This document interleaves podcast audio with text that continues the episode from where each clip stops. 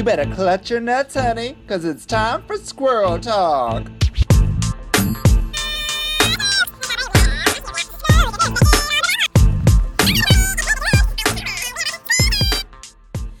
Hello, squirrels. Welcome to the broad podcast of Squirrel Talk, found on the Sonar Network.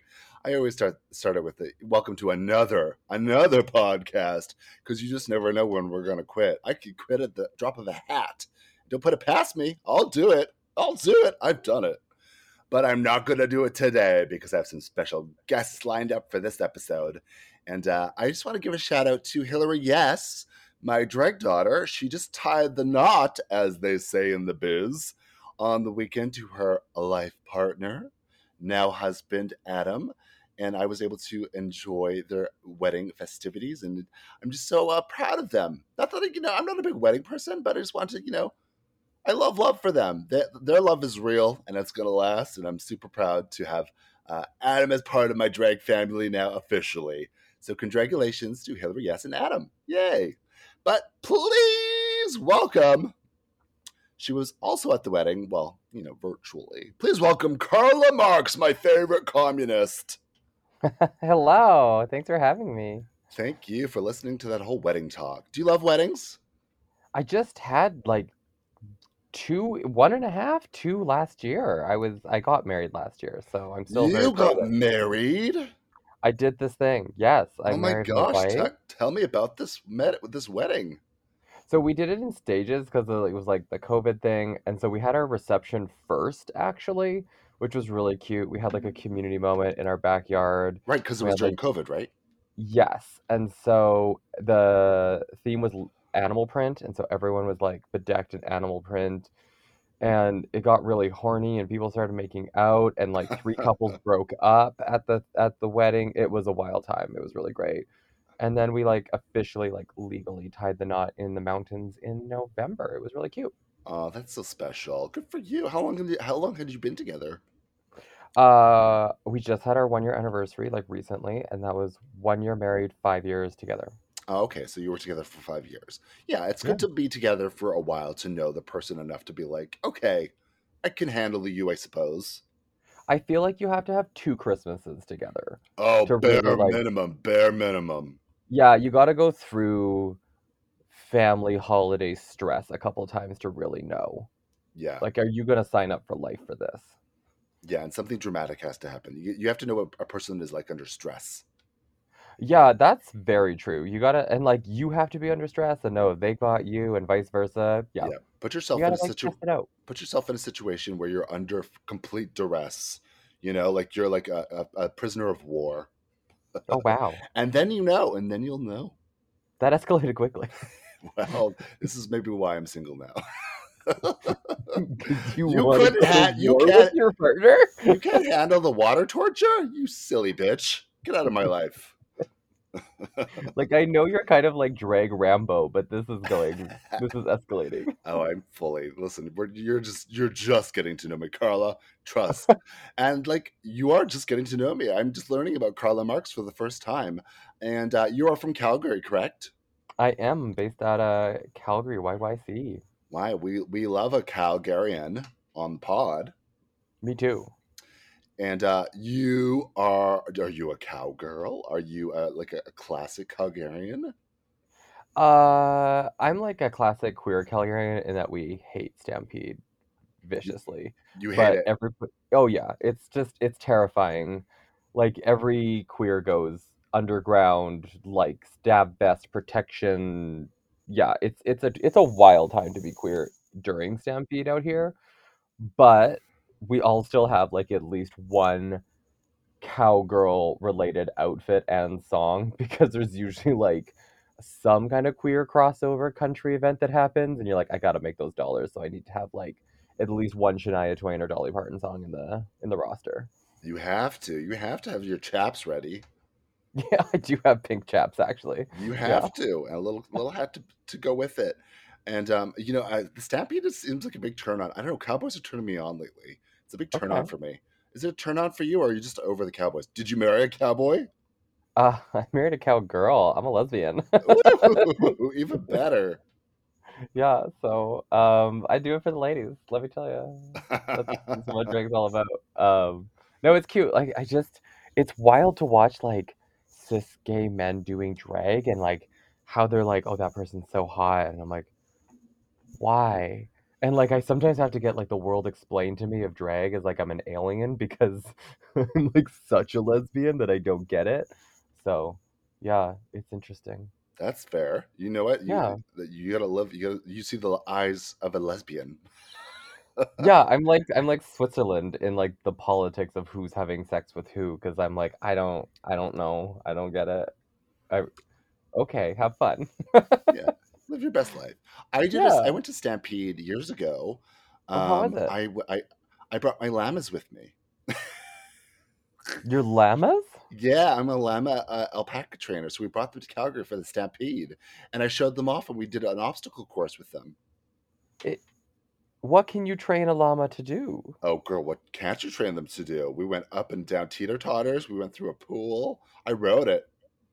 Tell me you've performed with a llama. Like you have an act with llamas where like llamas are your backup dancers. No, they won't. They won't allow me near llamas anymore. Something happened. It's a long Oh. story. No, I'm kidding. Oh wow. but but uh, you know, I you know, llamas, llamas at the Calgary Calgary Stampede. We were pushing. We were pushing the limit there because you know it's usually bulls, cows, Yeah. Sheep. horses, sheep. Sure, you know, we brought the llamas. We brought the heat. Yeah, they still do the mutton busting where they put like a terrified five year old on a sheep with a hockey helmet and release them. Oh my god, I live for that. Yeah. I love the, Anything ro- that involves the tears, I'm rodeo. Oh, and the clowns in the rodeo. Like that's that's a type of drag unto itself. Yeah, very that. There's also a massive gay rodeo out here that happens in Strathmore. It's huge. Ooh, I'm That that is really cool, and they do have queens and clowns and stuff. It's really really fun. Okay, I love that. Ooh, I love a gay radio. Yeah, it's massive. I think it's like the biggest in North America. It's huge. Oh, it's the biggest one too. I'm coming. Alberta has this weird thing about gigantism where it's like we always have to have the biggest plastic thing. Like we have the biggest Ukrainian Easter egg, I've seen that egg. sausage and pierogi and stuff like that. And it's all these like like towns were just like, well, no one wants to come here, but what if they came and saw a giant plastic pierogi? I love that. It's so it's the Texas of Canada. It really is. Sadly, it's not far off. Like there are really cool pockets of culture and vibrant, diverse communities, and then it, and then it gets to like Brooks, and it's really flat and white and scary. Yeah, it's true. And that's Yeah. kind of, you know, there's a big drag scene in Texas too, in the same way that there is in Alberta. And I've, you know, a lot of people don't know this about Calgary and I guess specifically Calgary, maybe Edmonton as well. But there, there's a huge, thriving artistic drag scene there. Oh yeah, it's it's huge. I I firmly believe that Calgary is one of the best drag scenes in the country. It, that we have so much talent, and it's it's really amazing. Like from Valerie Hunt to Lilith Fair to Mona Moore to Stephanie Prince. Like there's so many amazing, talented humans, and it's really diverse too. Calgary is also home to Fake Mustache, which is Canada's longest and largest uh, drag king troupe. So we also have amazing drag kings in the city uh, like Duke. Carson and Moby Dick and DeVary Beth and Shane on You. There's so many wonderful kings in the community too, uh, which is really really cool. That's awesome because you know it's, it's a drag artist. It's a thriving drag scene, not just drag queens.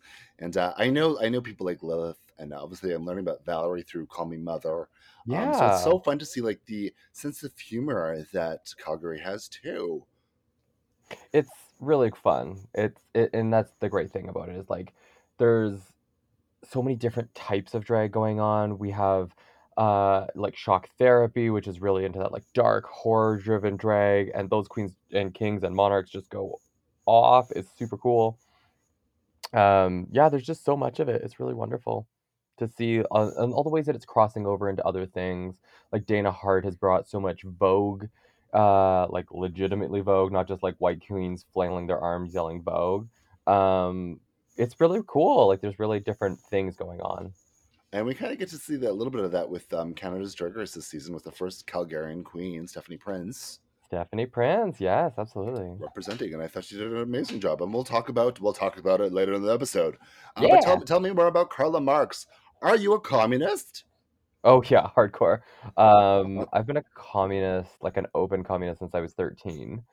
Um, I went to like my first political protest when I was like nine, and yeah, I've been been like a left-wing activist.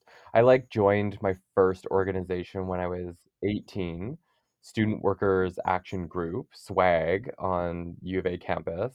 And we were like protesting for like a living wage for workers on campus. And in true communist style, I schismed off with the group, split it in two. I said that their praxis was weak and they were not sufficiently committed to revolution, um, perhaps ambitiously.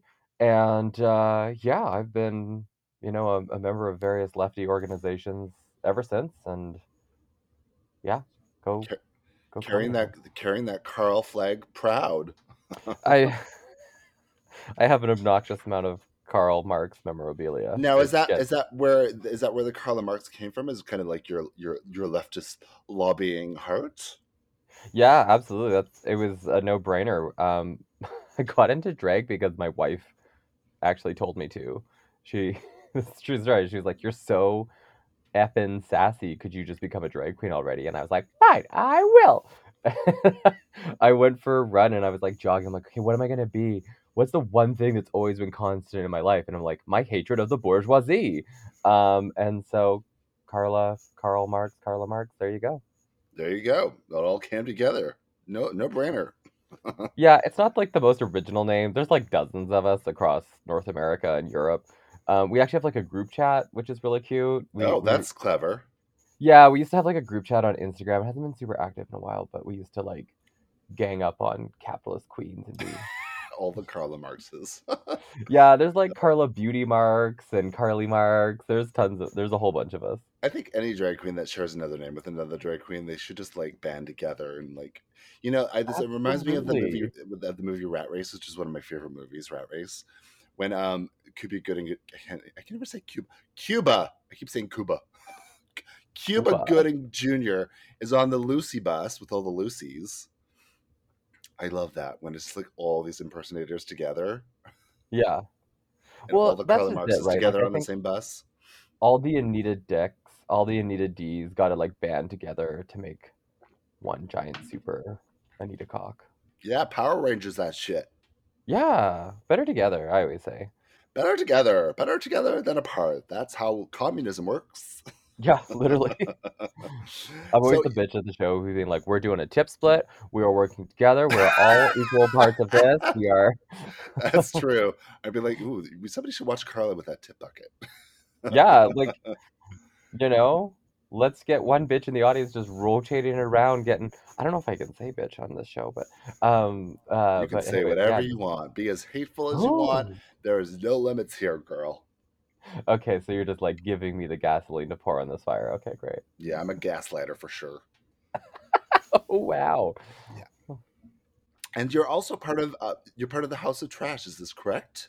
I am. Yeah. House of Trash is a, a great little drag collective that we have going here in Calgary, and it's all kind of loosely comedy themed, and it's it- it's kind of just somebody pops an edible and then bangs out crazy ideas in a group chat, and we pick the funniest one and do a show.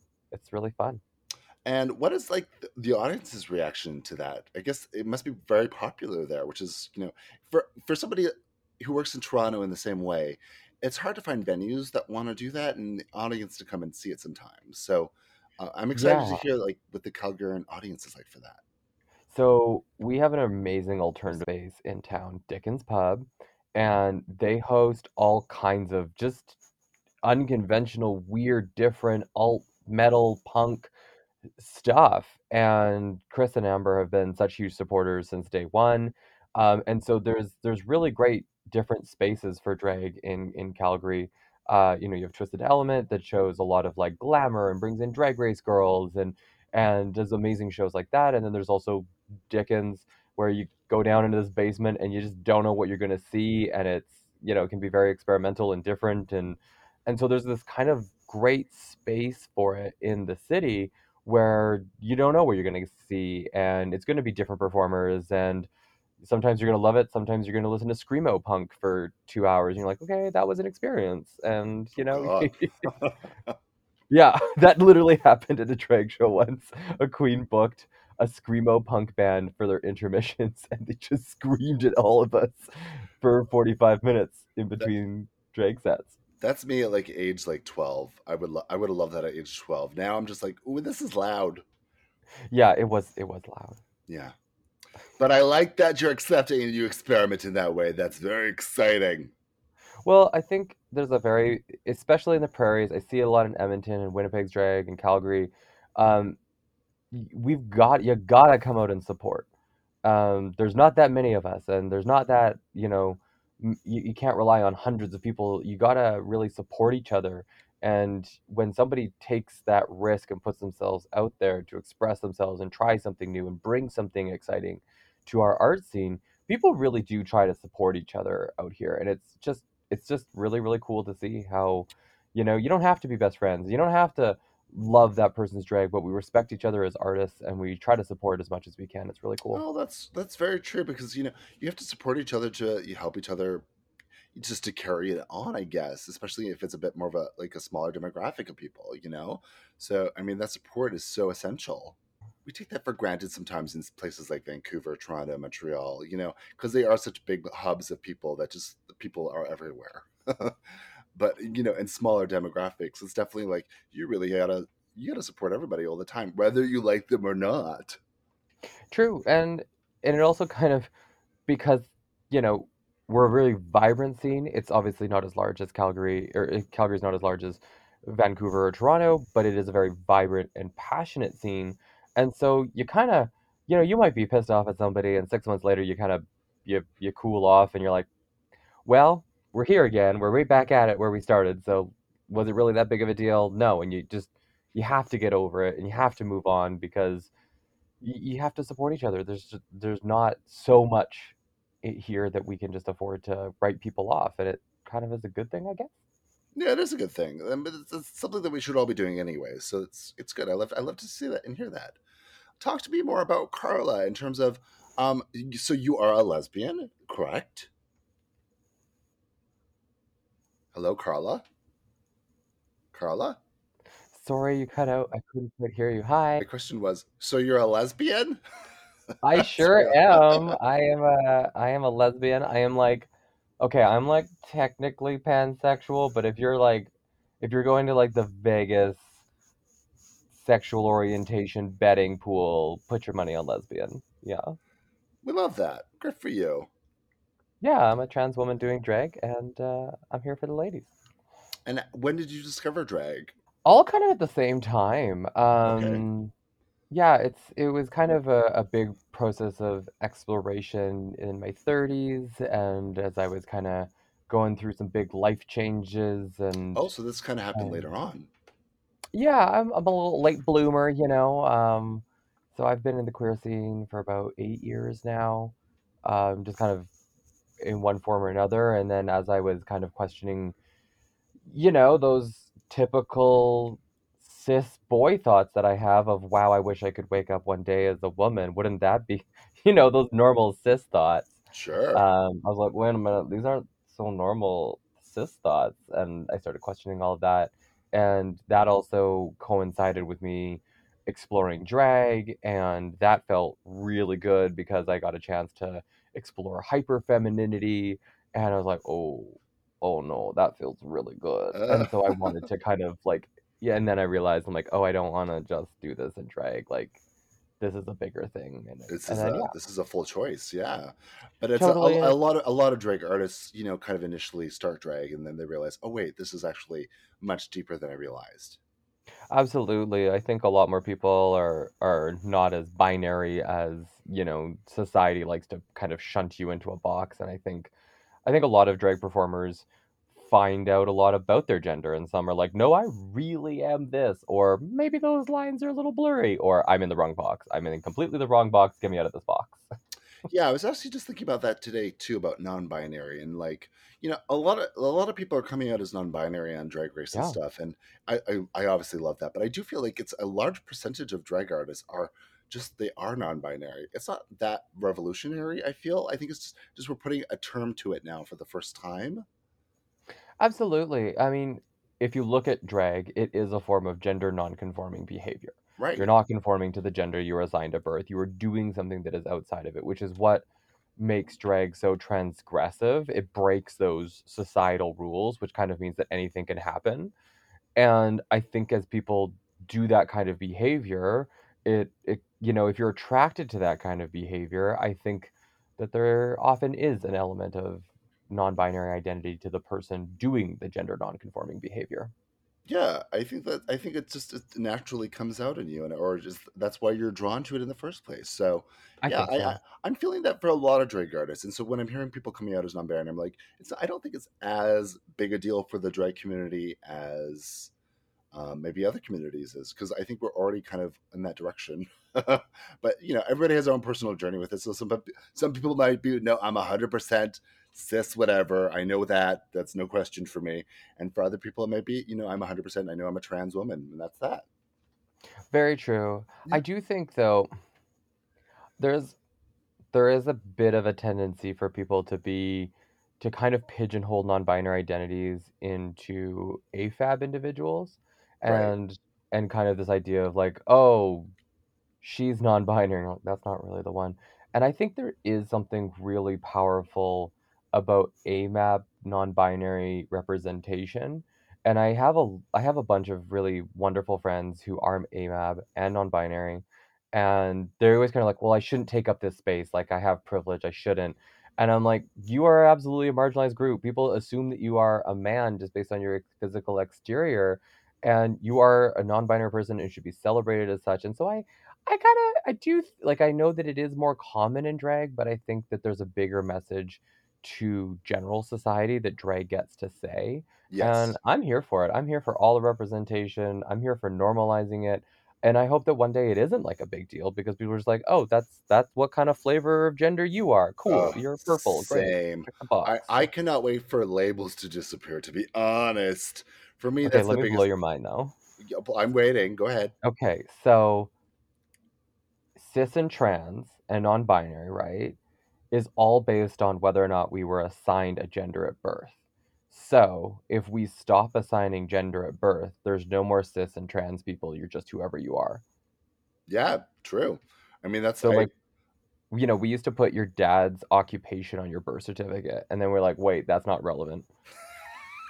So, you know, like, I don't care. Your dad was an assistant manager at Taco Bell. It doesn't really affect what I know about this you now. defines who I am for the rest of my life. Exactly. And so like if we stop gendering kid assigning gender to kids, they can just grow up to be whatever they are.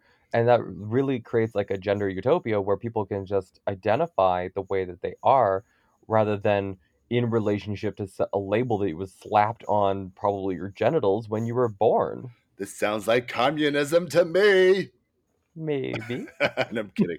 I actually, I fully agree with this. I think when you're labeling anything, and I think this is just a revolutionary new idea, for, especially for people who do like gender reveals and all that stuff. It's such bullshit Oy. to me.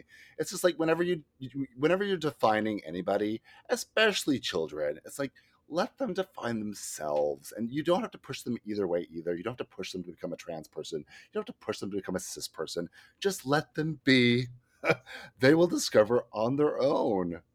I totally agree with that. I, I Yeah. it's the Same. expectations, the And pressures, the conformity that creates so much stress and trauma.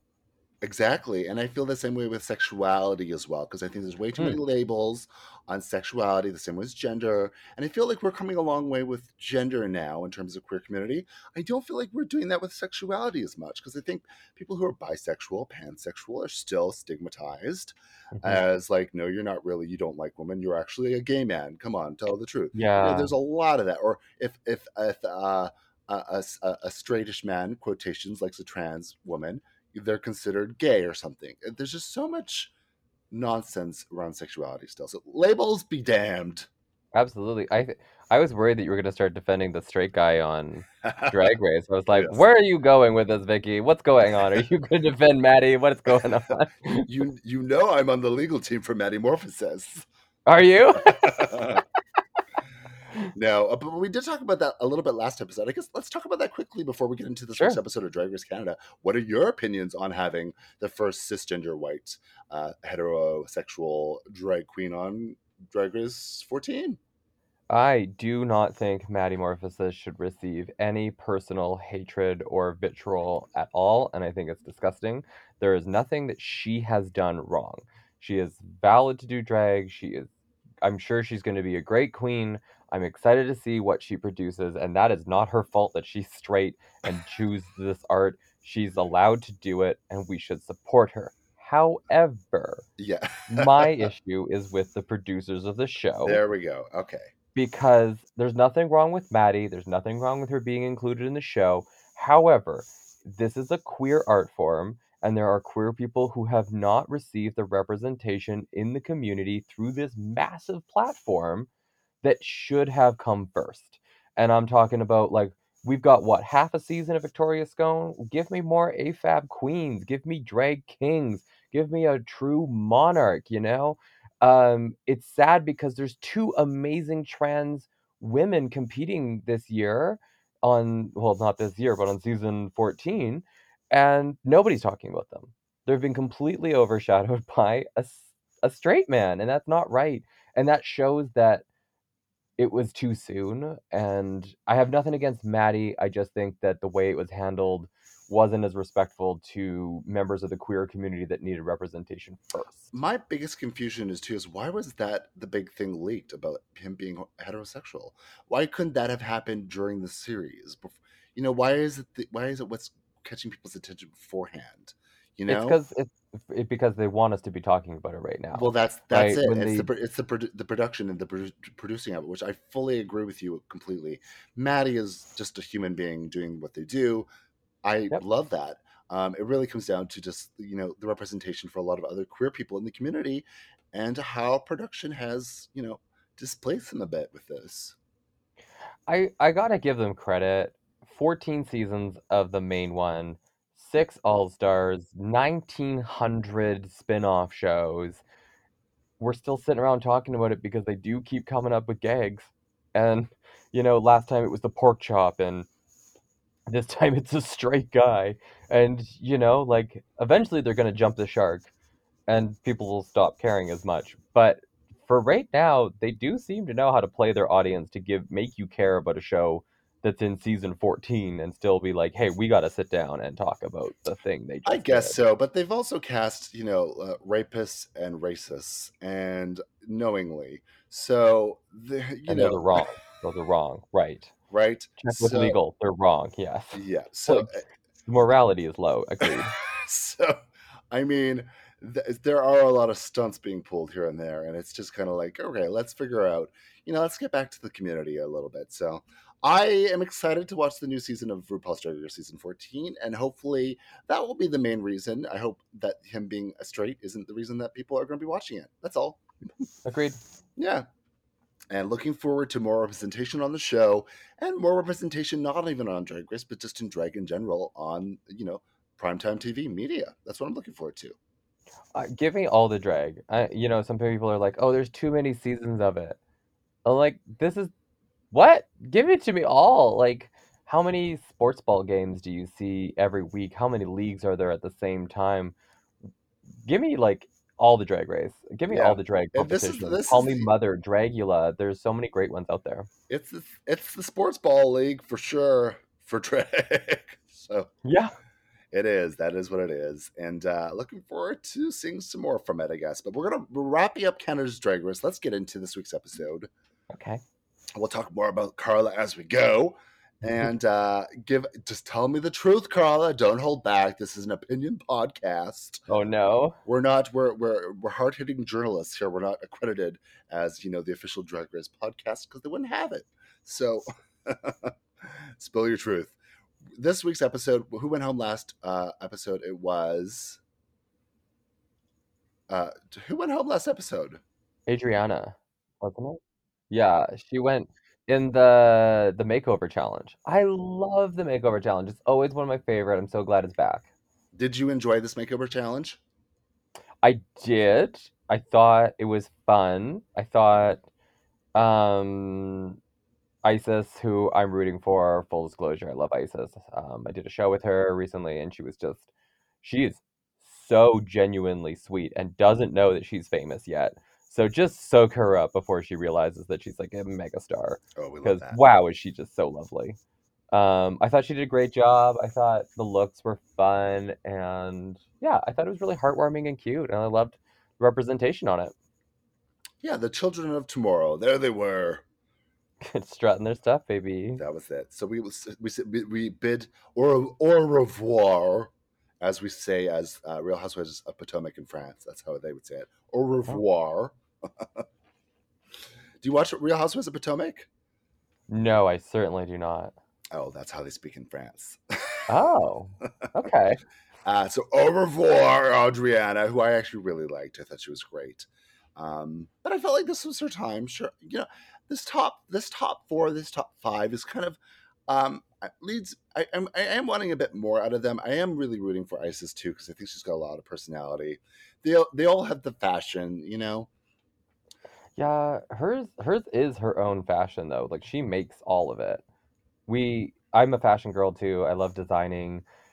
I'm not as great as construction as she is, so I have people who help me on that end. But I love like designing all the things and being super involved in all of that. And she and I had some really great chats about designing outfits and things. And she's the real deal. Like she's she really she's not just wearing the fancy things that other people made for her. She really like that's her art in every inch of it. And I just respect that so much. I'm She's not the saying anything about the other girls. I just really connected with her and I thought she was just fabulous. No, you're calling the other girls dump, um, dumpster fires. That's totally legitimate, legitimate, legitimate criteria. Yeah. Um, I really, yes, yes, yes. But you know, I'm, I'm I was kind of craving like some of the girls I went out earlier in this season because they have such big personalities, and then I find out it's a reunion episode. But like we didn't even get, in my opinion, we didn't even really get a juicy reunion show because clearly they recorded this during the season. So we don't get all of the Twitter beef, we don't get all the reactions, we don't get all of the drama since the show was filmed, which is what I feel can really make a reunion show spicy Oh yes. is like all the shit that's been said since filming to produ- to airing. Like, ah, that could have been so good. Yeah, it was a different type of reunion for sure because this is the first time I think they've ever ever done this. They've brought the girls back in previous seasons and they've all sat together and like kind of had little chitty chats. But this is like a proper reunion with Brad uh, uh, Brad Foreskin uh, leading it, and they're all Yeah. they're all kind of uh, just talking about their experience, but they don't really have perspective on it because they haven't seen the, the show. Yeah, they liked each other way too much. The no, the amount of like polite golf clapping Oh, after gosh. everyone's comments, I was like, "What are this you?" is the what?" most Canadian thing I've ever seen in my life, and not in a good Everyone's way. Where it's it's so polite, but it's also Yeah. like you can tell there's some passive stuff happening. People want to say more, but they don't, they won't because they're Canadian. Yeah, I felt like there was tension around the Brat Pack. Well, let's get let's get into it. So here, like we were saying, Brad Foreskin, who's gr- he, my phone auto changes it to uh, Foreskin from Goreski, so that's all I'm going to say from now on. Oh, I thought you had inside information. Well, also, he's got a lot of foreskin. oh no, he's a turtleneck.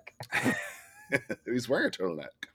Uh, so there's a reason. So he's hosting this, and we have our four winners on one side, and then we have our our returning girls on the other. Um, we do another cut on people's looks. Should we do that for their returning girls' looks? Yeah. If we like them, we nut them. If we don't like them, we cut them. Okay. And we're going to talk a little bit about each of them as they come. So here comes Beth coming back. She was the first out. I I agree that she should have been the first out, but I, I think she- there's a lot of personality and um, comedy with this queen that we never got to see, and I really wish we did get to see that. That was sad. I, I don't think Beth got. We didn't get to see the Beth side of her. The Beth side of her. Yeah. Um, yeah, I, I did. I, I liked their individual looks. Together, was nauseating. yeah, there was a lot of pastel. I hate pastels, by the way. I can't stand pastels. Yeah, like pastels are for April, and then you get over it, and then. But yeah, no. For okay, one of my biggest reads though is to the, whoever the lighting tech in that place was. who lit the queens predominantly from overhead because all of their lashes were too long and you couldn't see anyone's eyes. They were just wearing like little hats over their lids. Oh And it made every like you you you lost so much personality because everyone's eyes were just these black smudges because they're the way they're being lit. Not the overhead office lighting. Oh, come through fluorescence. Oh, Brenda. So what do we think of Beth's look? I'm gonna give Beth a nut for this. You know what? Yeah, she gets a nut. She deserves a nut. I'll give her a nut. Yeah. Yeah, it was cute. Yeah. And then here comes Oceane, uh, looking cute as well. I'm gonna cut this look though. However, it's not my favorite for her, but I I, I love Oceane. She's one of my favorite personalities on the show. I'm giving Ocean a nut. I'm giving the look a cut. Exactly. I just I I find her very compelling to watch because she has that great drag quality of like danger where you're like I don't know what's gonna happen here. Anything could happen. I, I feel that energy radiate off of her. well, she almost broke her knee jumping into that pit. Yeah, There is a danger element, and I like that. I like not knowing if I'm going to come out alive. That's that's that's good drag to me. I That love that drag. kind of drag. She's such a good personality, and honestly, like that's a lot of the girls who were gone first were just such great personalities, and that's when I when I'm looking at the top four, I'm just like, ugh. You could have given me the the first four that were eliminated. You could have flipped that. I would have been so happy if they were on the top, just for personality. Ooh, that's spicy. Is it spicy? That's Or a little spicy. Is it, I'm just a bitch. I hate all four of them. so that was Ocean. Here comes Stephanie Prince, your girl from Calgary. Do you know Stephanie fairly well? Um, not we're not like super tight, but yeah, like I know Stephanie. We've done a bunch of shows together and everything. She's always been very sweet to me. I love this look. This is a total nut. I think it might be my favorite look that's that turns the corner. Very nut. Yeah, she looks beautiful in this. And I've seen some of the other looks that she had she had planned for the show. She was gonna be she was gonna be beautiful all the way through. She had some really great looks. She had some really great looks, and I was actually, you know, I, and just kind of going through her social media before, I wasn't like so um, blown away by her looks necessarily through that before I saw her on the show.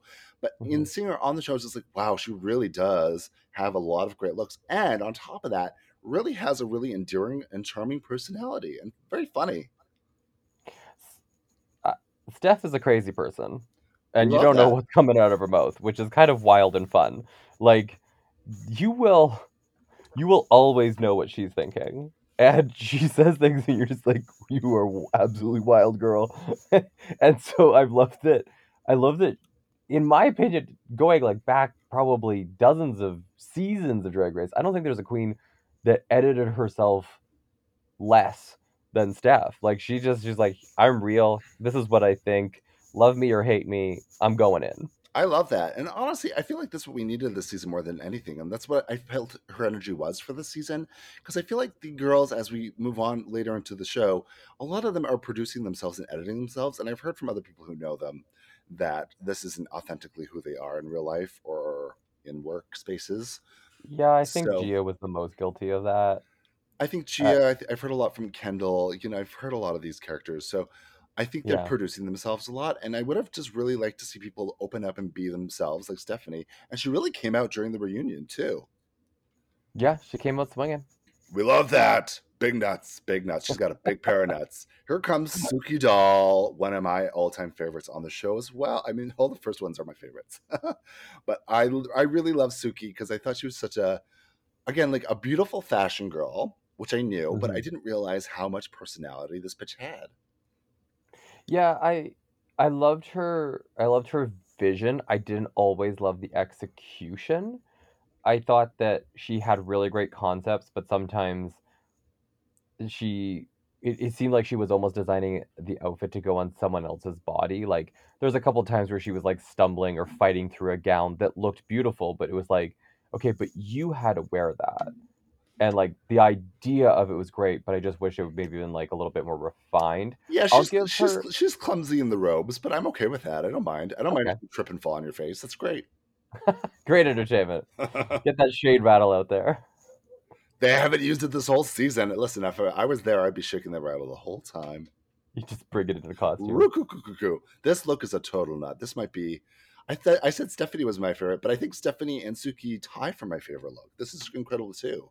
Okay, this is revisionist history now. You're, you're just lying to me, Vicky. Listen, I, Um, I don't. I'm not a part of the Communist Party. Okay, I, I can go Yeah. backwards. yet. Um, I'm gonna give the look a nut, the hair a cut. You cut this hair?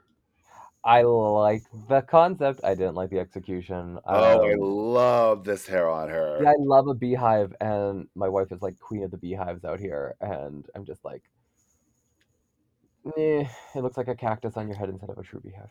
Oh, I love a cactus on her head. Okay, well then there you go. You're the, winning. the cactus has the sweetest nectar. It does. Yeah, you should know that. You're from the desert, Alberta. Those Alberta cactuses. Speaking about cactus, here comes Eve six thousand.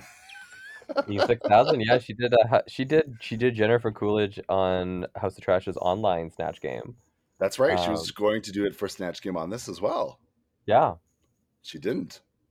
she's uh she's a wild one. That one. So Eve is back. Uh, she looks cute. She loves to do these little frilly girly numbers. I'm gonna I'm gonna nut this for her. This is a cute look for her. I will give it a cut. Oh, brutal! I'm sorry, Eve. I love it. You know, you cut the shit out of it. Um, I'm liked Eve a lot on the show. Um, she's since blocked me since I've done this podcast and opinionated about the show. You gotta But- have boundaries, you know. Yeah, well, we're gonna do. I really did like her on the show, though. I thought she was really entertaining, and I thought she brought up the most, I guess, the most. I don't want to say conflict, but she just like, Yeah. there was just nothing. there would there would have been nothing happening whatsoever if she wasn't there. Do you know what I mean? Yeah, the when I for me when Stephanie and Eve were both gone within like a couple weeks of each other, the there was no one really stirring the pot after that. And you know, we kind of we love the drama a little bit and Eve seems to on the show, the way she was edited, the way it was presented to me, had an ability to just effortlessly put herself at the center of things. You know, there was just a way about her, and She even in the lo- she reunion loves to do that. She loves to do that, even though she would never admit. she- Eve, She would never admit to it, but she does that constantly, and she loves it. But I, I don't think I think it's subconscious. I think she doesn't even realize. Yeah, that's why I mean effortlessly. Like, I don't even think she's necessarily like, oh, how can I make this about me? She's just one of those magnetic personalities where, lover or hater, you're going to talk about her because she's just too good to not watch. Exactly. Well, follow her on Twitter. Like she's great for Twitter. Oh, I do. I do. she's good.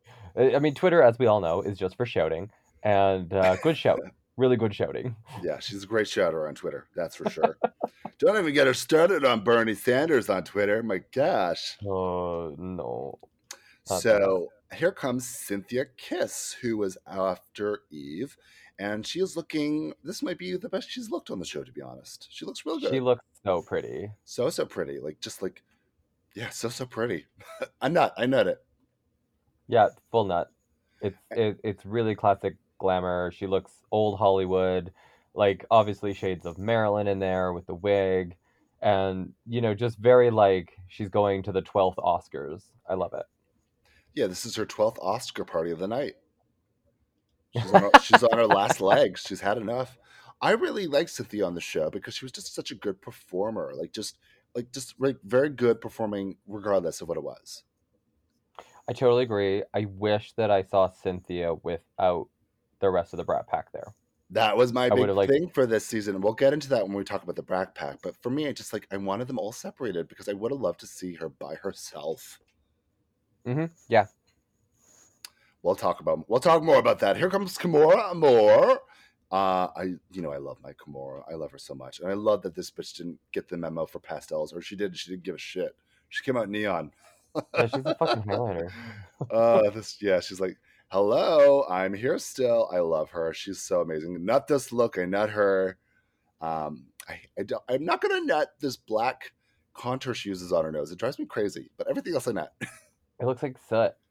yeah, she- Um, I don't know. Uh, not the one for me. I will give it a cut. However, union leader, love her. Um, so yeah, she was a, a union rep. So I love I love that. yeah, she's ready to take everybody down for good reason. Yeah. Um, loved her on the show. Really, really upset about how she had to exit the show, um, and how fandom has kind of attacked her. She's kind of become the easy because there really hasn't been a you know a villain of the season, I suppose, is what you know. And I think uh, Yeah. people are just kind of latching onto Kimora for her the last episode she did, as she's the villain of the show now, and it's just so mis- it's misappropriated. Uh, It just, just it pisses me off. I you ju- yeah, you don't have to go after somebody. Was she an idiot? Yeah, like that was weird, girl. But like I don't know, like she made a bad decision in, a, in an impossible, frustrated place, and we don't know what was going on through her head. And it was just like, yeah, I do have tea that apparently that went on. It was like a lot worse than the edit. Apparently, the edit was very kind to her the And it lip got, sync like- or in the lip sync. That What apparently the edit was what I've been told from fairly trusted sources was that uh, apparently was much weirder and much more aggressive than the final product, and that also apparently uh, Gia like let her have it on stage. oh, and we didn't get to see that. Interesting, No, isn't that interesting? was kind of like, "What the hell? Like, what the hell are you doing? How am I supposed to?" Yeah, she like Isn't that interesting though? That they, they didn't show that part of Gia kind of giving it to her though. yeah Interesting. Hmm. That drives me crazy too because I mean, Kimora could have done more stuff. I mean, we saw the whole number basically. The whole song played out. The song was also about rape. Let's be clear on that. Before four, it's not a good song to be playing on the show. Period. sure Kimora knew that. She said this is a stupid fucking song. She wanted to quit the show, and they forced her. This is true. The production forced her to do the lip sync. She just wanted to leave. really So she didn't even want to do it. So she was literally like, "What do I have to do to leave the show?" And the choice she made wasn't the greatest choice. Obviously, she recognizes that, but that's what she did. Um, but the fact that I'm hearing that like Gia threw a tantrum, and this is alleged, but the fact that that happened, and I guess yeah, could somebody be angry about that? Sure, but the fact that we Mhm. didn't see that as viewers tells me something. Yeah, I, I, I don't know if you've been following Calling Me Mother very closely, but I'm good friends with Felicia Bonet. She and I were pretty close when she was Yes, uh, wonderful. she Love in her. Calgary, and she's in Edmonton right now. She's my trans trans sister, and I love her to bits. And I wonder, I wonder if something that kind of happened to Felicia was happening here, where Felicia's talked pretty openly about not feeling supported by production, in that she raised issues and concerns, and that there was, you know, kind of like an all-white cat uh, crew that just never really seemed to listen to her and and understand her concerns. And I wonder if there was something like that with Kimora, because I've heard hmm That's very possible. about We've heard that from Jeffrey Bowyer Chapman of all people too. yeah So I think this is totally possible on these sets where they've said there there hasn't been enough uh, visible people of color on set working, which again Yeah. makes such a difference in terms of the the end product. yeah i think that i think that these concerns really need to be looked at and like how these shows are run and how you know what kind of space are we putting contestants in Mm, okay, very interesting. Good, good, healthy team for us to talk about because that is important stuff that needs to be worked on. That's this is like stuff above anything else that needs to be worked on. Is figuring out the people who are putting this show together and finding people that you know maybe think white people are only capable of doing certain things. That's not true. They just have had more opportunity to do so. Absolutely Absolutely. So it's about giving opportunity to more people. So hopefully we'll see some changes happening. I don't know. but let's keep going here before we get too deep in this. Here comes Adriana. She was the last person eliminated. Uh, she looks great too. She just looks like a real milfy housewife. yeah i i guess i was like i love like she looks really pretty she looks really sweet i guess i thought she might have done a little bit bigger Well, she's done bigger the whole show. that's true that is true that's I, you know. I'll cut the look because it's just like a whatever look. It's fine, whatever. It's a re- it's a reunion look. It's fine for me, but I'll, I'll cut it. Sure, i'm giving it a narrow cut a narrow cut. Yeah, like I don't. Mm, she's close. But- Eh. like a like a tiny little sliver cut. Yeah. All right, fair enough. So that's all the girls. They are back. We don't even need to net or cut the girls that are there. I don't care. the top four, they're there. They'll they all look great. That's fine. They also got the pastel moment. Everybody was given a pastel, I guess, and I love that Kimora didn't care. Good for you. Everyone's like mint green. Um, so they're all sitting on these chairs that don't look particularly comfortable. I don't know why these are the, the stools they chose for them for drag. They're IKEA stools. Yeah, there are kiss. Well, you know, it is what it is. And the cans on the table, I originally thought they were like Ru- Russian nesting dolls, Oh, they do kind of look like that. right? Because I didn't, because I, I couldn't see that it was the AHA sponsored can. But I was like, why are there so many Russian nesting dolls? Oh, it's a game. It's a game weird. within a game within a game within a game. Well, it's funny because like they have one little table in front of the front four, but they have everyone's drink on it. So like, like is Beth supposed to just like push through to get? like it's so obviously staged and completely impractical that any of them would be able to take a drink from those drinks. the logistics don't make any sense with this tiny, cha- these tall chairs, these tiny tables, and the Russian nesting dolls. Also, there's definitely like, they're definitely staged for the eliminated queens because none of them have straws. But then all of the girls still in the top four still have straws. Oh, they didn't have straws. Uh, yeah, I'm looking at the pictures right now, and, like, and like they don't get. They're like, you're eliminated. You're not worthy of a straw. Oh my like, fuck your God. lip. That's so funny. These tiny details matter. So Uh, we're getting into the actual reunion. we haven't even got into it yet. So Brad is hosting it. One of the things I wanted to bring up at this season uh, was they brought Brad Goreski in as the judge for the first time, Yeah, and he was the only judge that was. Uh, I have to burp. Pardon me. Uh, uh, protein. Uh, okay, there we go. He was the only judge that we knew for sure was coming on to the season beforehand because Stacey was supposed to be there, and then was canceled last minute, and then we got uh, Traci and uh, Amanda. Um, so that was a last minute change, but Brad was always designed for the season. And Yeah. so this season has had a, a lot of fashion looks involved with it. That was what they're really pushing for season two was the fashion element, the runways, uh, which yeah, they pushed hard. which is what they were missing from season one. So it fully makes sense to me. Um, but I think it, and part of that is because Brad is there. He is a fashion person. And so I, I think that's why they were lending that to this season particularly. He he felt like he had a purpose there. Give him a purpose. Well, you know, like uh, you look at drag, the the parent production of Drag Race, and everyone kind of has like a little bit of like a a component, an element of a superstar that they're there to evaluate.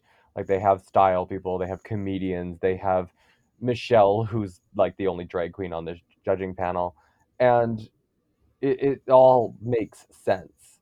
And I think that Brad, I didn't mind Brad. I, I felt at times I was like a little bit like, stick to fashion. You don't, you're not a drag performer.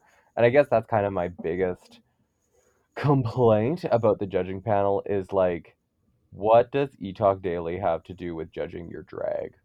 Yeah. It's uh, true though, true.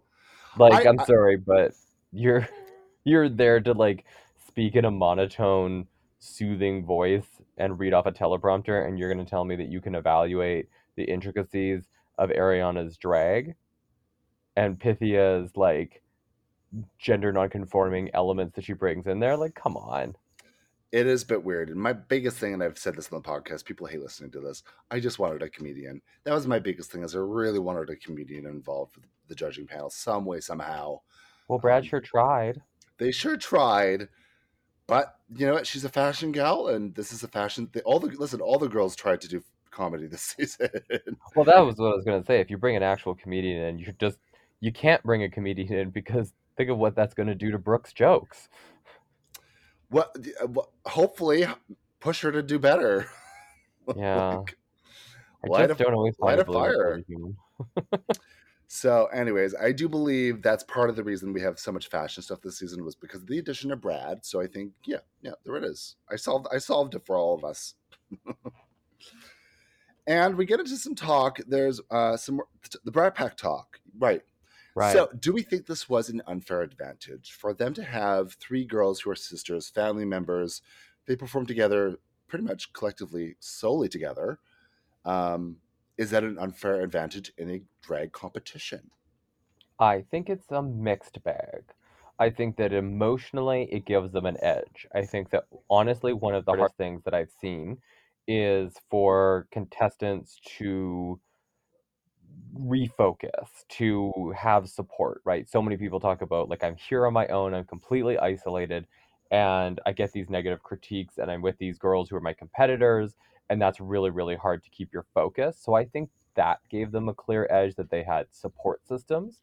I think though, in terms of the competition, it might have been an actual hindrance because in many ways they were very, very similar.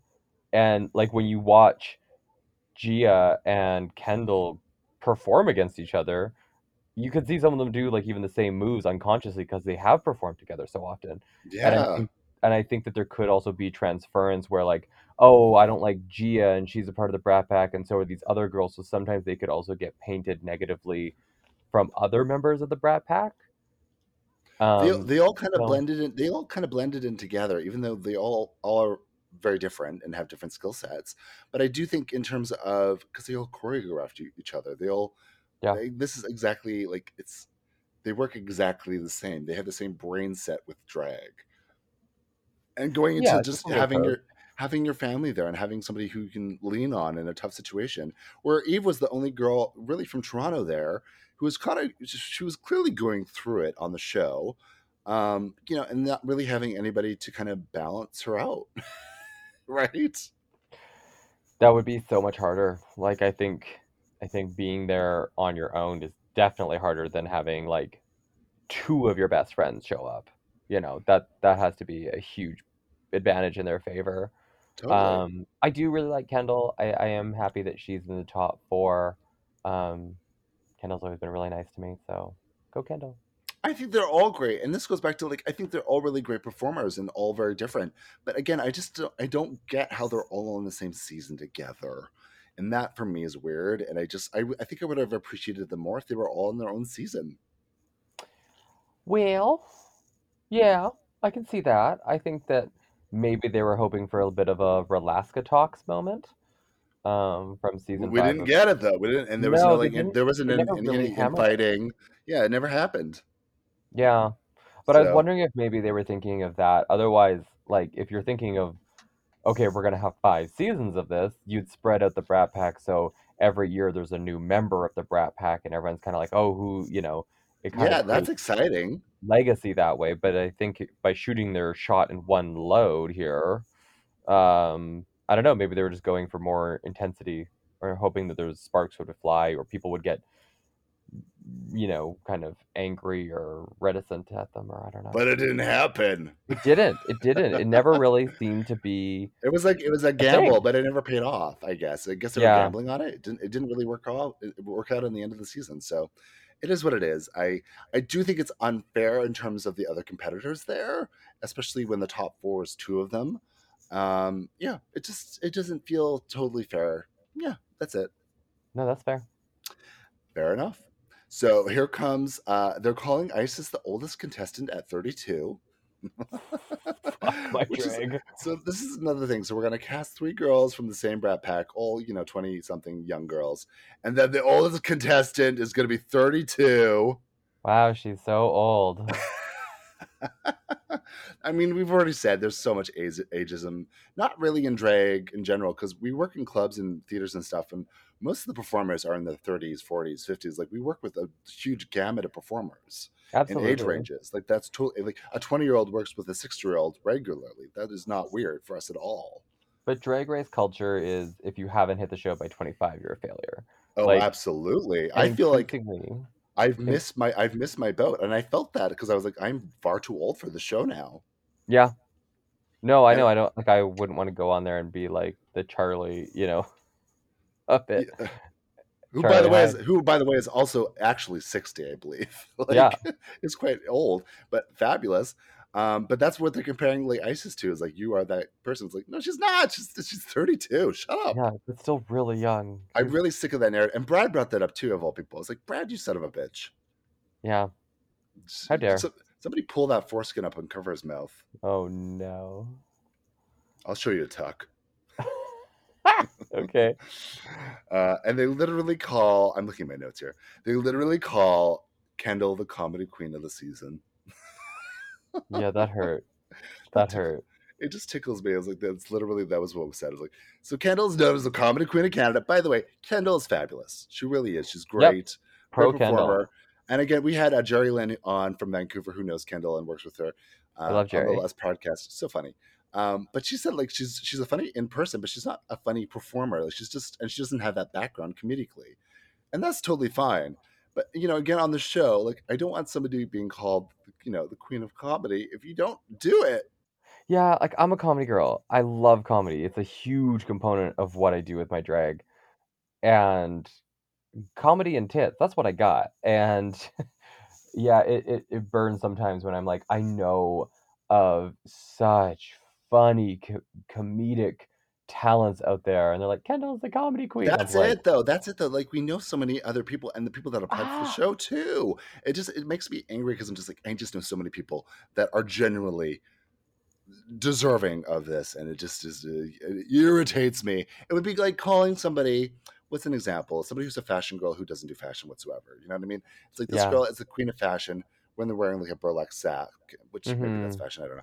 But, and you know, and and I agree with you. I think that Kendall is a very charming and funny person, but that's not really what their drag is about. And so, like, you could say, No. Kendall, you're a funny person, but like Kendall Gender, the drag queen, is the comedy queen of Canada. That's where I'm like, okay, okay, a- let's pump she's- the brakes on that. she's actually a very like serious like philanthropic um activist which i love you know Yeah, she's got Um, a great voice and she uses it in a really great way. so meanwhile all the funny girls who were eliminated are sitting on their side being like i wish we had the opportunity to show that Yeah, totally. Or the ones who just didn't even get casted. the ones that didn't even get casted hello Oh, um so wow. we get a they shoot to stephanie yawning while gia's talking and that feels like it's the mood of the season isn't it Yeah, I really did not need that montage of Gia quotes. That was not really the greatest for me. Um, Gia like came, Gia came to Calgary recently and attempted to start a Vancouver chant, and when that didn't work out, she attempted to start a Brat Pack chant in Twisted in Calgary. She's like, Brat Pack, Brat Pack. oh my god I booed her. read the room girl this is somebody Yeah. who really can't read the room No, I was like, why are you? How? What? What percentage chance do you think people are going to start That's a so Vancouver funny. That would be in like Calgary? Yeah, that's like going like everybody G. She starts her own Gia chant. Gia, G. Can you imagine doing that? But come on, everybody, Becky, Becky. Like, like in not so in not your bar too, right? Like you go to somebody else's bar and you're like, "Hey, I'm here." like my most hated venue ever. Oh, yeah. oh, I love that. That I do love that though. It- Um, I mean, I I give her credit for the chutzpah it took to do that. That was impressive. takes it takes nerve, honey. We find out that the we find out who Miss Congeniality is this season. They're doing a Miss Congeniality for the first time in Canada. And uh, who who who would you have said? um, I think I might have given it to Adriana or Pythia. Oh, For I guess I me, I don't that. know. they gave it to Suki Doll, and I actually agree with that. I thought she was really. Um, I mean, she also had some like cutting confessionals, which I loved her for. so I feel like if they saw this afterwards, they probably wouldn't have said Suki. I I feel like you can't win Miss Congeniality if you're only there for four episodes. Well, the, you the, the girls have. I mean, this is what I'm saying. Is like Miss Congeniality goes to the personality queens, really. You know, the fan Yeah. favorites, and I do feel that way with Suki. And I thought she had a great personality, and I think that goes back to like a lot of the great personalities went out soon. Yeah, some some definitely some strong big personalities went out really quickly. Yeah. So I agree with that. And you know, congratulations to Suki for being a Miss Congeniality. Good Yeah, that's great. She'll get to Yeah. be on season three for at least a minute. Will Well, she? Oh, I guess maybe they might. the- might- usually they like do a pass off. I don't know if they will. I, I very much doubt they're going to do that. but Yeah, they're on never a budget. They gotta. They're using Canadian Tire dollars don't stretch as far as they used to. they're using IKEA stools. We're, we're on a budget, people. Yeah, we got IKEA stools. We only can afford four straws. Um, and uh, you know, fabulous makeup from Shoppers Drug Mart. They're telling the girls, listen, we're saving the turtles, okay? These girls get the four, you don't. Yeah, we gotta ration straws now. hmm And that was pretty much the reunion. Did anything else stand out in the reunion part of this for you? Are we doing the uh, the elimination, the lip syncs? Oh, we will, but just in terms of the actual, you know, reunion part where the girls were there. Too nice, not enough drama. I'm sorry. Like they even they tried to engineer it by being like Stephanie, read the read the queens, and like I love Stephanie. She's not necessarily known for like quick one liners, but like just great outrageous statements. So I don't know. It seemed a little forced that they realized it was a little bland in terms of the drama department. It was very, it was like, it was very kumbaya. Like I feel like we missed some drama because of the way it was scheduled. It was, and there was even a moment where they were trying to like get Eve to like come back at the Brat Pack something or other, and then it was just kind of them both grinning at each other, being like, "No, I love you. No, I love you. we love each other." Eh, you know that Canadian kind of passive. totally. I think it's because it I think because they kind of forced it.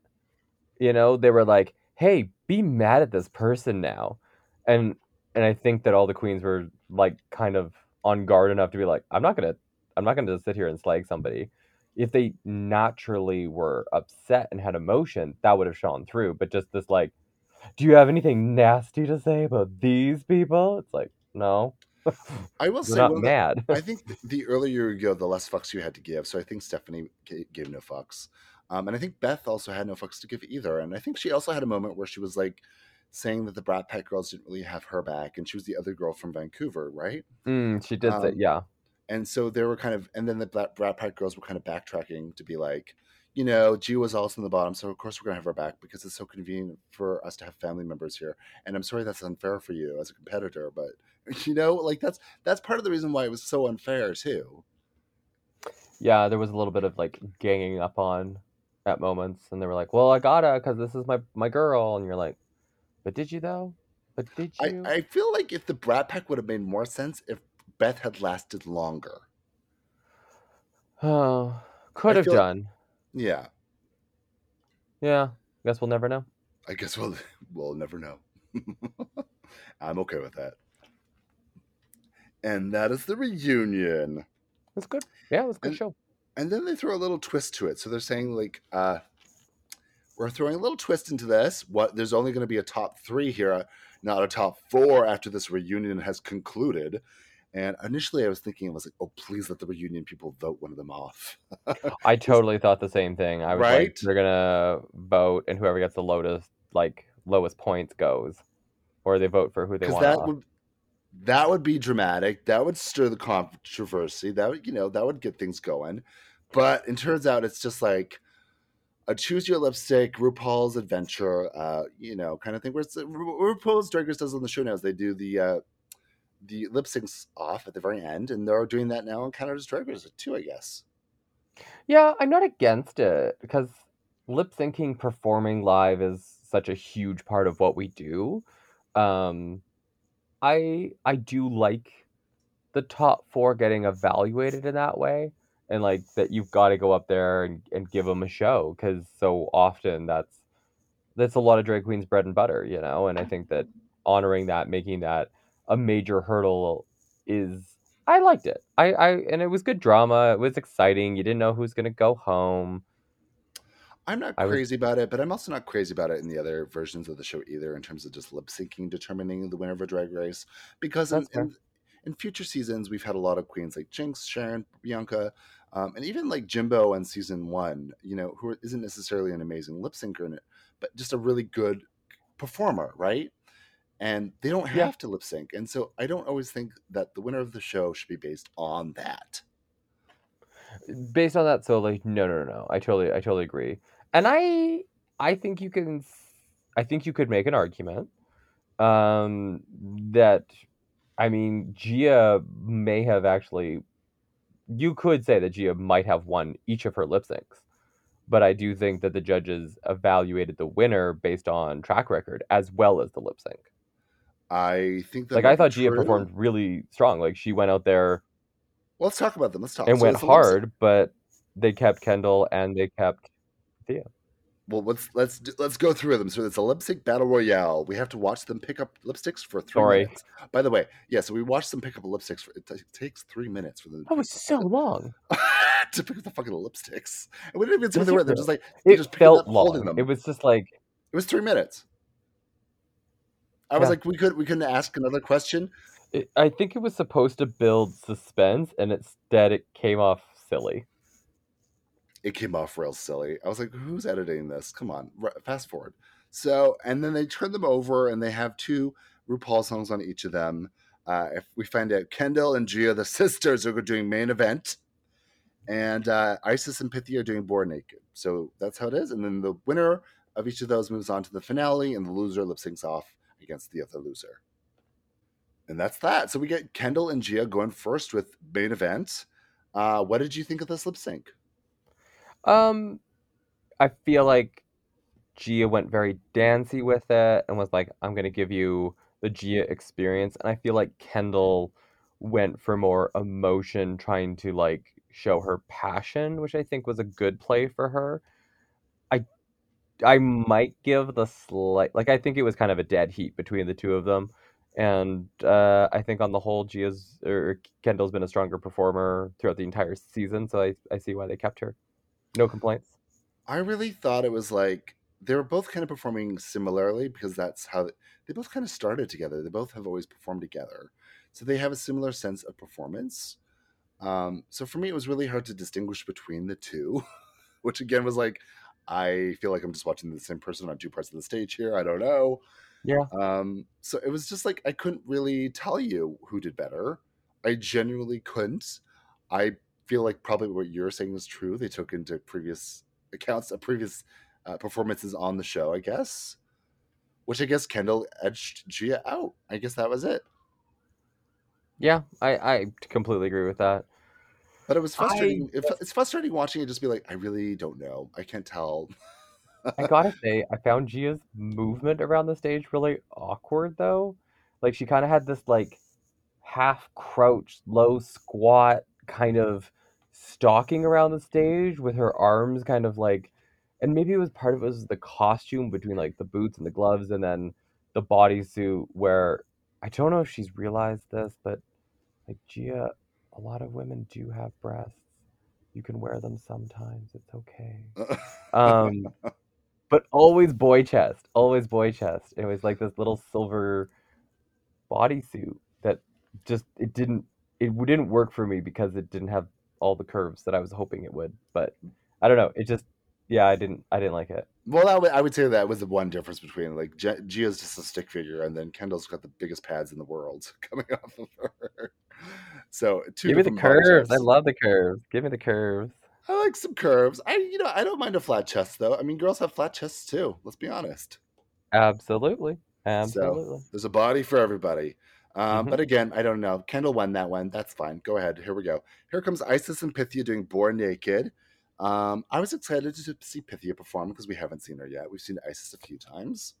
True. And um, I re- what I really appreciated, and I kind of wanted to see more on the show, was Pythia's body hair showing, which seems Yeah, like such a small. It seems like such a small detail, and like, why would you care? Because it's so subversive for drag, and they don't allow it a lot on this Mhm. show in the franchise. And I feel like she's been. I don't know if they've told her to hide her body hair because it's really strong in her drag. She, that's a big part of the element of her drag is her body hair. I have tea on this. Oh, let's hear it. Um, She shaved the upper part of her chest for a look Yes, because she thought they would want her to. that's what I thought. and production apparently told her like they were like no we were like why did you shave we were totally cool with it Oh, and so okay. she shaved part of her chest and you can see in the lip sync that she still does have like body hair on her stomach but she was like she's like i thought they weren't going to be cool with it but they seemed actually to be more cool with it than she originally believed Oh, so she was playing into that that because that's the thing though because we've never really seen body hair on the show before, right? So you would assume like, oh, they might not be okay with that. So she was playing into that. There we go. yeah and, right. and then apparently they were like no we were fine with it Well, great. I wish I had seen more. I'll Yeah. be honest, and I guess that's really nobody's Yeah, fault then. But I, I did want to see more from her for that. So I was happy to see she the still has like a hair cummerbund A hair cummerbund? What do you mean? Yeah. Like around her a cu- tummy. Oh, you mean like oh, a cummerbund, like a medieval Yeah. cummerbund? Yeah. I mean, we have cummerbunds today, like in tuxedos and stuff. Uh, Yeah, I never. I don't think I've ever said cummerbund. Cummerbund. Say it with your friends. It's the first time I've used it in a sentence. A hair cummerbund. Okay. I thought Icesis won this one. I thought she came out swinging. I was like, "Give me all those moves." She was she went real high energy, and I thought it. I thought it was great. yeah. Again, again, yes. No, you don't agree? No, I just again find it very hard with the energy. Um, I thought they were both giving it pretty good. I think Icesis is just a, a better, stronger performer in this element, I guess, than Pythia. Um, but I didn't dislike Pythia any less than Icesis in the number. But I think Icesis just has more experience with performing these kind of lip syncy numbers. So I would have given it to Icesis too. Sure. All right, you heard it here first. Vicky Lex called Icesis Couture old, and uh, yeah, and only likes Pythia. This is a Pythia Stan podcast. Oh. I've, I've, I've said that for the past nine episodes. This isn't new. this isn't a first. Uh, no, I love, I loved Icesis. She was great. So Pythia and Gia are lip syncing against each other for one of them to go home. It's life or death, do or die. And they're doing "Call Me Mother," which is a very fast lip sync. I've done this lip sync before. It's fun to do, but it's a, it's a tight, it's a tight one. yeah, it's a hard one to do. It's it's definitely, I think, Pythia was at a bit of a disadvantage with the language. I think, but she really she really did well. Well, she speaks very good English though. Like it's, Yeah, yeah. And so I think, yeah, I, I, I wouldn't have thought that. Yeah, she, she nailed everything. I, if anything, she, she pointed to her mouth and she was really showing that she Yeah. got every single word of it. yeah, exactly. No, I thought she did great. Yeah, I, and I thought, yeah, I, I felt Pythia did better in this one. I guess I don't know, and I felt like Gia was just kind of doing the same thing she did in the last number. It felt the same energy. Do you know what I'm saying? Very that. It it yeah. So it felt like there wasn't a range from the first to the second. Not, that, I mean, they're both they're all RuPaul songs. They all have the same energy. But in terms of a performer, you can change up your performance style and energy between numbers. Which a great example of this is Silky Nutmeg Ganache. Oh yeah. you know i i think i'm really proud of silky for like showing so many different styles of lip syncing and she really had fun with it She did. I thought she was great. Ah, that just brought me back to the Silky.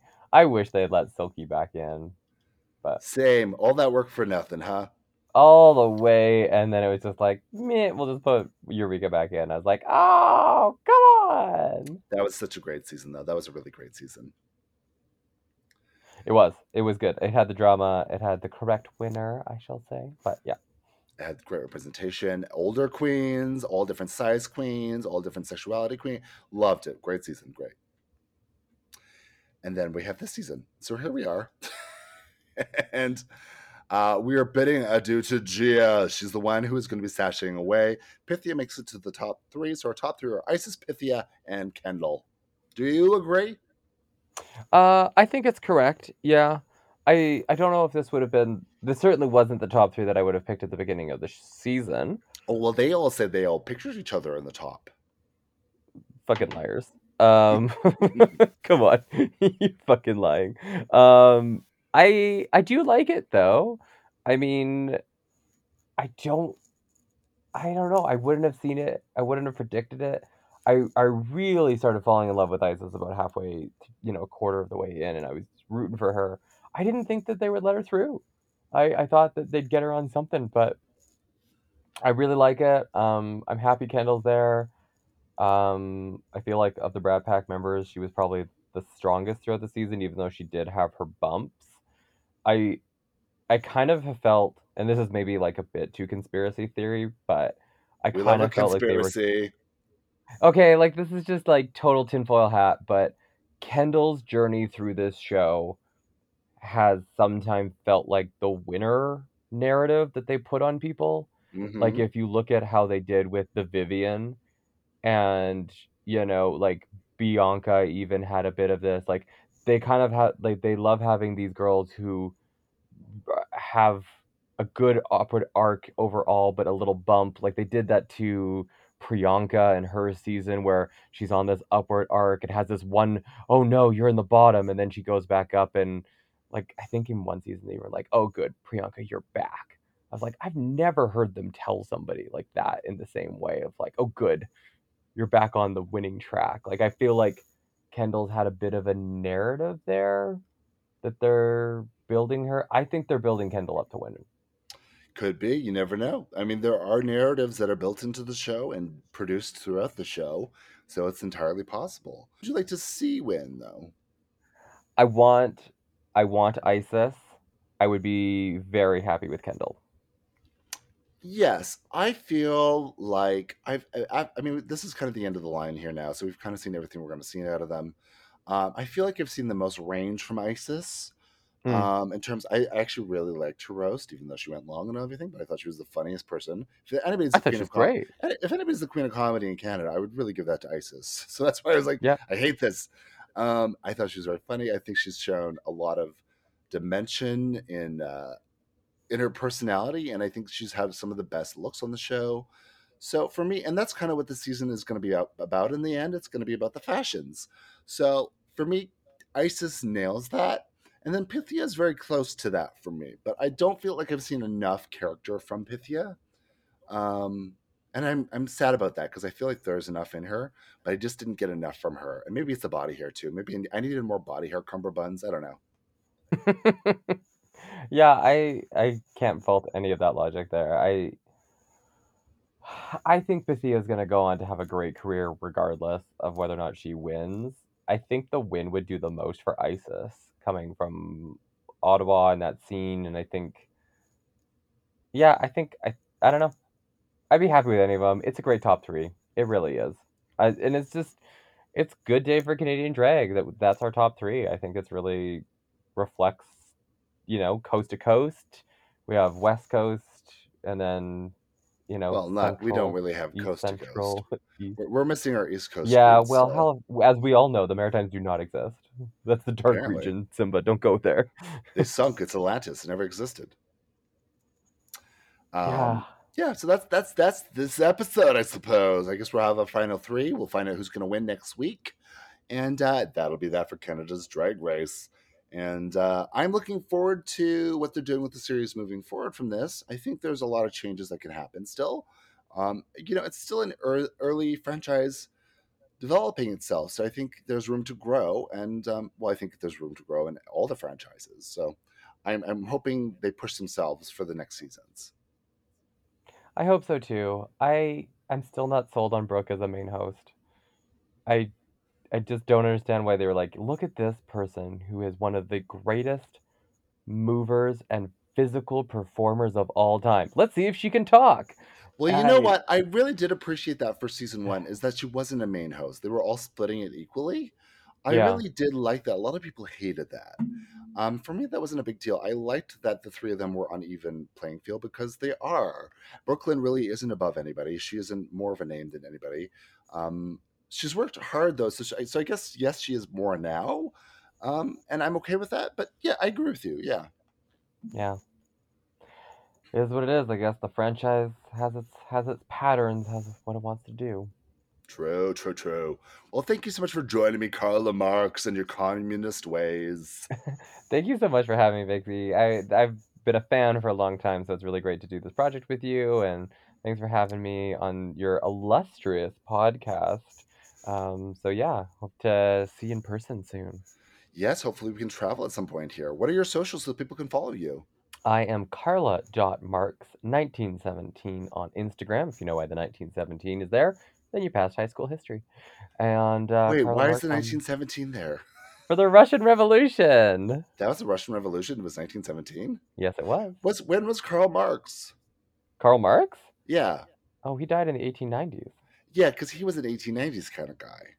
Yeah, But he he was really an 1840s, 1850s, 1860s kind of guy, and then he spent the next three decades of his life drinking because he was so sad about capitalism. oh, You well, can do the Karl that to Marx pub to. tour in London. You can go do the Karl Marx pub tour. It's great. I'm gonna do it. Uh, you'll be blackout. It's 16 stops. It's a long. It's a long one. Oh boy, was he a mess? Yeah, yeah. The like Engels was also like Friedrich Engels was his main writing partner, but also just like had to bail out and sober up Marx all the time. Yeah. Well, it's good to have a friend like that, you know? Everybody needs a Friedrich Engels to bail him out sometimes. Yeah, splash splash the cold water on me, Selena. That's what I say. Whenever I wake up in my drunken stupor, I'm like, I hate Canada's drag race. Oh, I was just drunk. That's all. Oh no. well, thank you so much for having me. Of course. Thank you for joining me. And by the way, I don't hate Canada's drag race, and I don't hate you. I love you. You're fabulous. I'm so happy to talk with you. Same. And- This is great. We will look forward to seeing more stuff from Carla Marx coming up soon. And thank you for listening, squirrels. Make sure you subscribe, review, rate us. Uh, anything you can do to uh, to uh, push my agenda, push the communist agenda, is what I meant to say. And because communism is what's the what's the commu- what's end on what's the communism um um a slogan? Oh, communism will prevail. Communism will prevail. Or international solidarity. International solidarity. Mhm. And we'll end on that. Thank you, Carla. thank you. Bye, squirrels.